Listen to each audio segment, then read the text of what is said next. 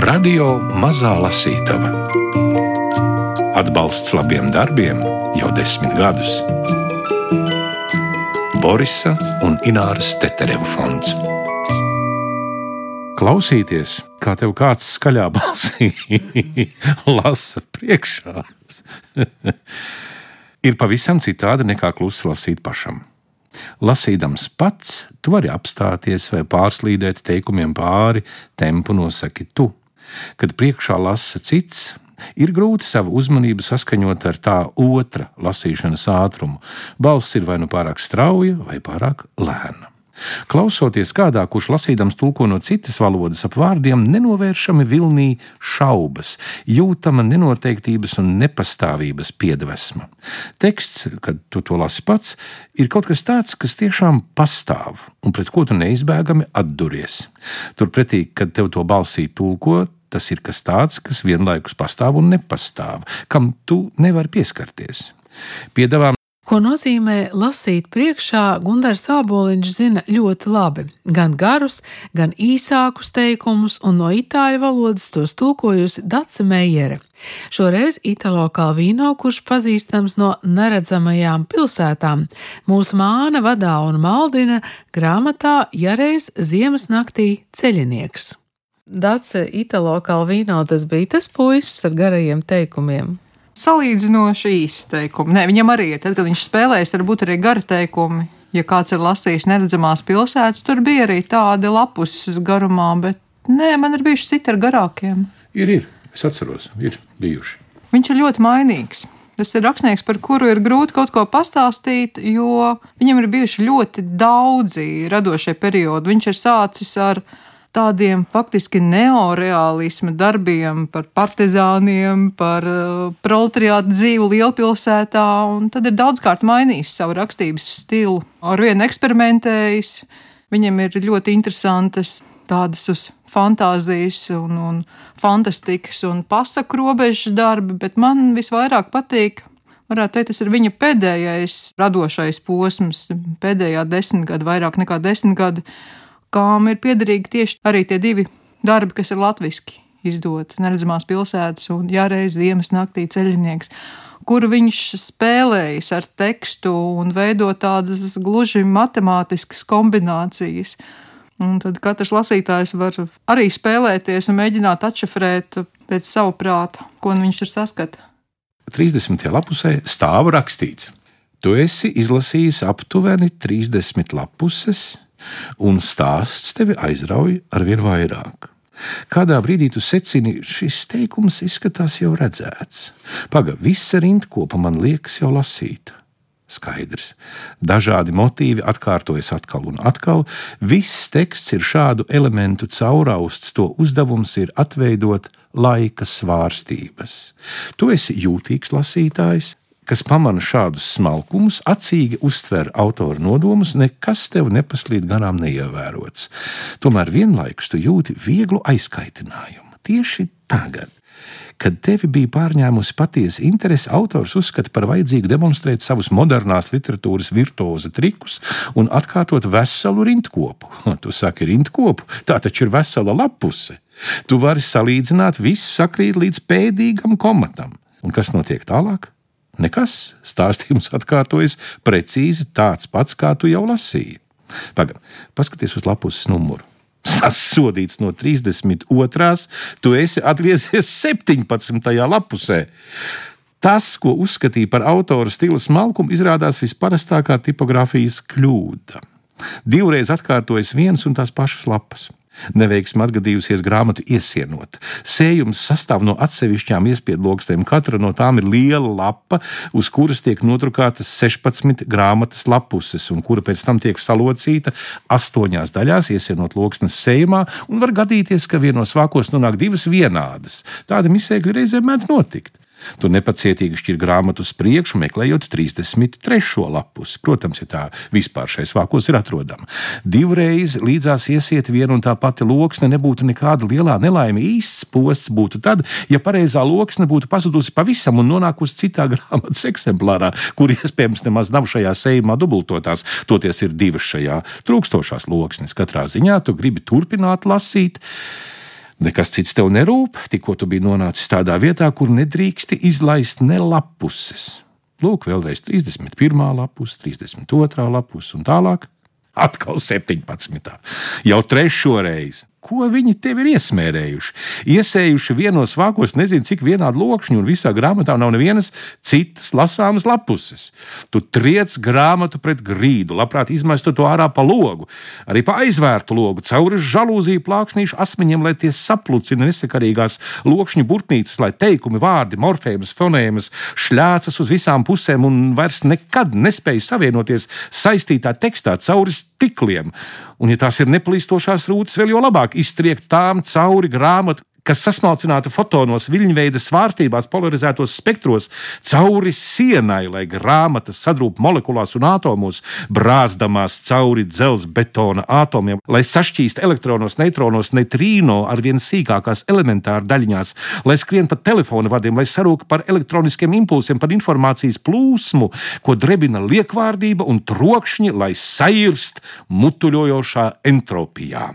Tu gribētu to izsviest ārā no mājas, ārā no kvartāla, ārā no savas apgājumas, ārpus pilsētas robežām, ārpus pilsētai piekritīgajām teritorijām, ārpus reģionu pārvaldības, ārpus nacionālās kopienas, ārpus kopējā tirgus, ārā no rietumu kultūras, nost no kontinentālās plātnes, ārā no atmosfēras, biosfēras, stratosfēras, ārā no gravitācijas lauka, saules sistēmas, galaktikas, galaktiku kopuma, izmanīties, aizmest to vēl tālāk par tālāko punktu ko galaktikas izplešoties sasniegušas turp, kur laika telpa vēl nav nonākusi. Turp, kur to uzņemtu neesamība, pareizāk nebūšana, ne agrāk, ne vēlāk, tur tā nozustu visabsolūtākajā negativitātē, drošā un nenoliedzamā. Tieši tā, kā tā pelnījusi.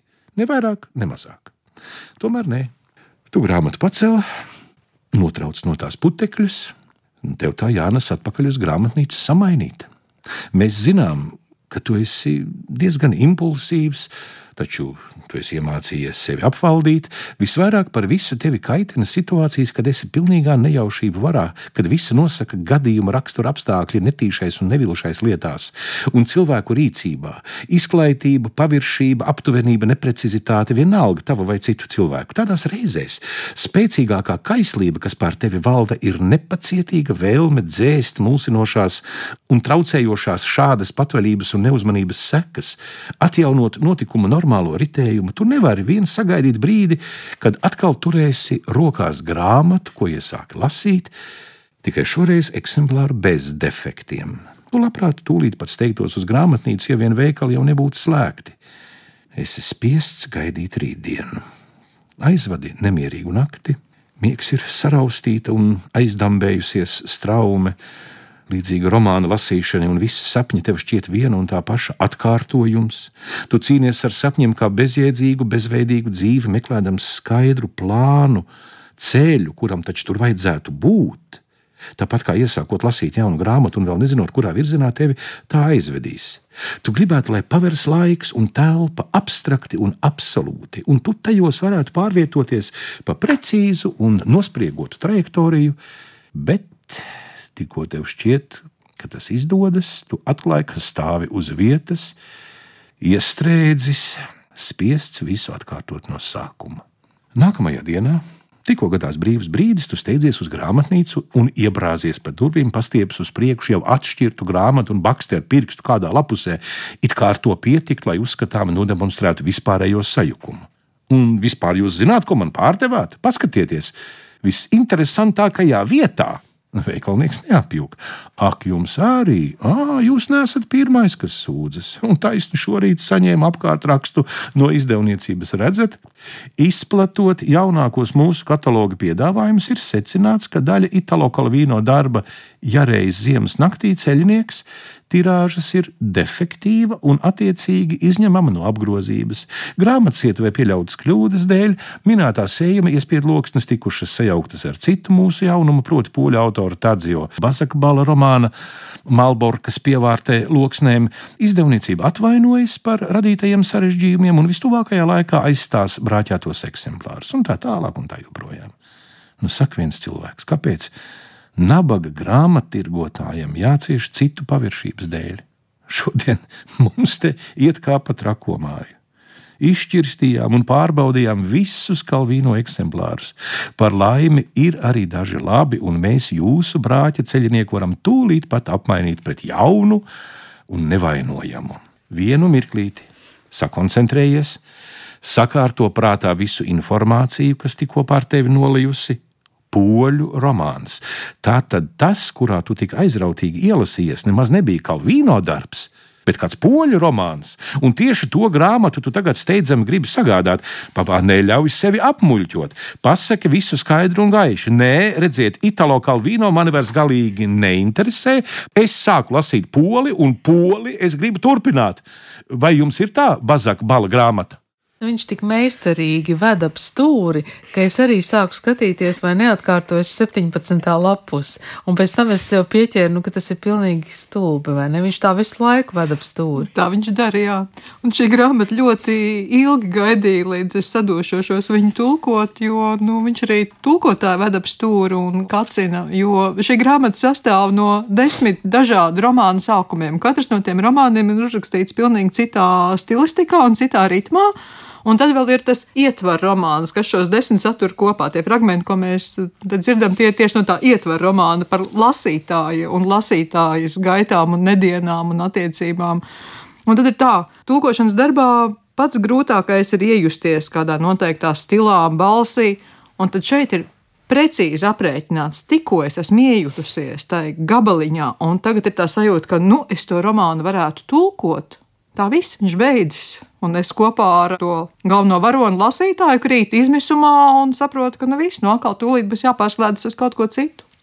Kā to žanru var vispār nosaukt? Kādā kalvīnā raksta? Nu, 70. gados vēl drīkstēja lietot apzīmējumu eksperimentālā literatūra vai kombinatorika un vēl visādi. Tad es iesaku labāk palasīt recenzijas par šo tulkojumu. Es, es māku pārrakstīt, nevis teoretizēt par grāmatām. Bet Itālijā Kalvīno grāmata pie tevis nonāca jau labi sen, vai ne? Ļoti sen.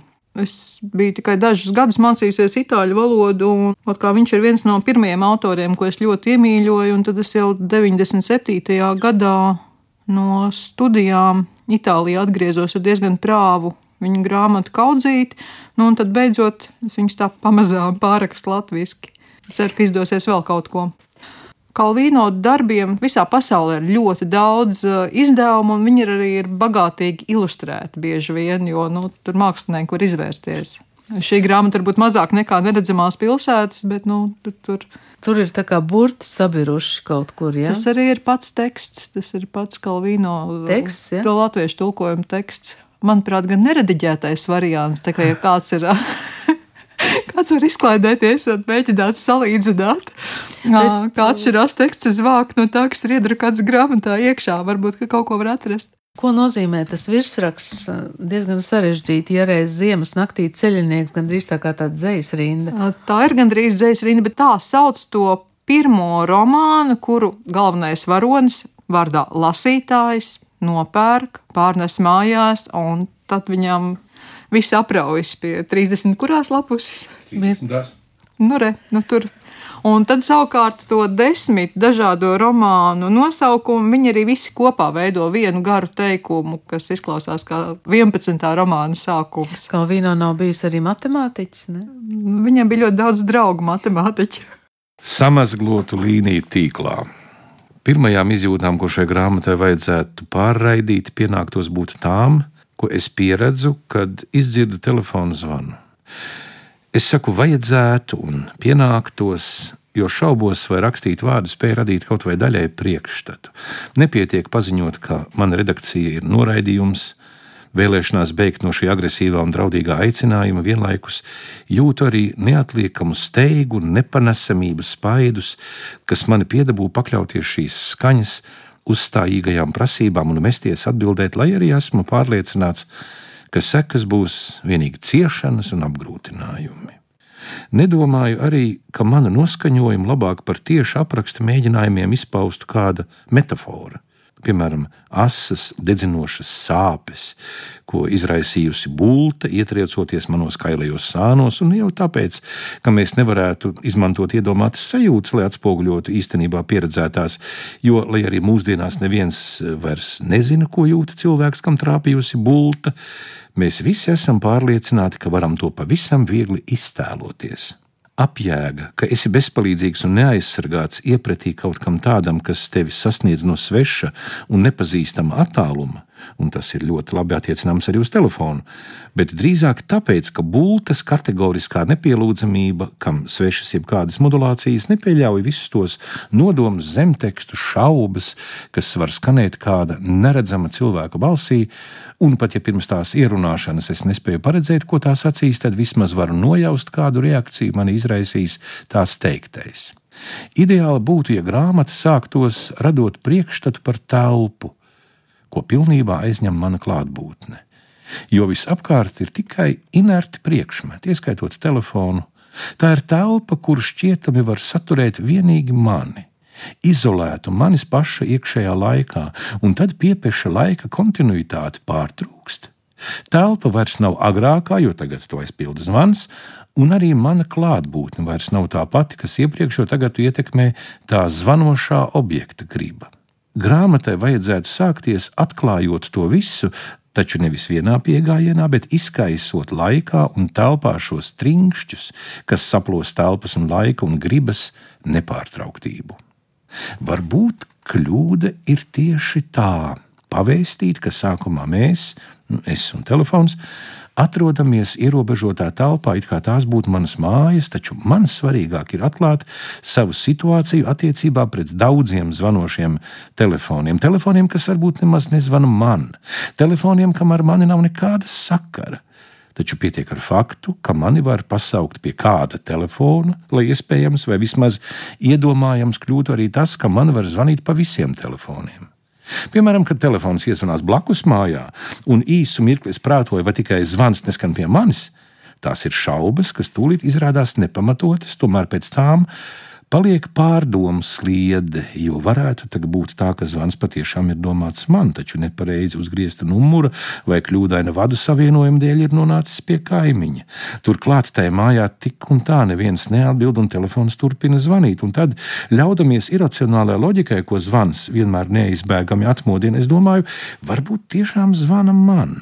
Varbūt kaimiņš ir mājās un neatbild tāpēc, ka to zina, Varbūt arī zvanītājs zina, ka zvana uz nepareizu numuru, bet dara to tīšām, lai noturētu mani šādā trauksmes stāvoklī, zinādams, ka atbildēt nevaru, taču zinu, ka tieši man pienāktos atbildēt. Vai arī tas nemieris, kad tikko esmu izgājis no mājām un dzirdu, ka zvana telefons. Un tas varētu zvanīt pie manis, vai tikpat labi kādā citā dzīvoklī, un es skriešiem metos atpakaļ, aizelsdamies, uzjoņoju pa kāpnēm, nonāku galā, bet telefons klusē un es nekad neuzzināšu, vai zvans bija domāts man. Vai arī, kad eju pa ielu un dzirdu, ka svešās mājās zvana telefoni. Pat tad, kad esmu svešās pilsētās, tādās, kur neviens pat nenojauš, ka esmu tur ieradies, pat tad dzirdot zvanu katru reizi, mana pirmā doma, kādu sekundes desmitdaļu ir, tas zvans ir domāts man. Un nākamajā sekundes desmitdaļā mani pārņem atvieglojums, jo apzinos, ka pagaidām esmu pasargāts no visiem zvaniem, nesasniedzams drošībā taču šis atvieglojums ilgst tikai sekundes daļu, jo tūlīt pēc tam iedomājos, ka zvana ne tikai šis svešais telefons, bet droši vien daudzu kilometru, simtiem tūkstošiem kilometru attālumā manās mājās. Arī noteikti šai pašā brīdī telefona zvans aizskan pa tukšo istabu plašumiem, un jau atkal mani plosa vajadzība un neiespējamība atbildēt. Katru rītu pirms savām lekcijām es dodos stundu garā skrējienā, proti, apvelku olimpisko treniņu tērpu un eju laukā paskraidīt. Tāpēc, ka jūtu nepieciešamību izkustēties, tāpēc, ka ārsti man ir piekodinājuši cīnīties ar aptaukošanos, kas man stipri nomāca, un arī lai drusku atslābinātu nervus.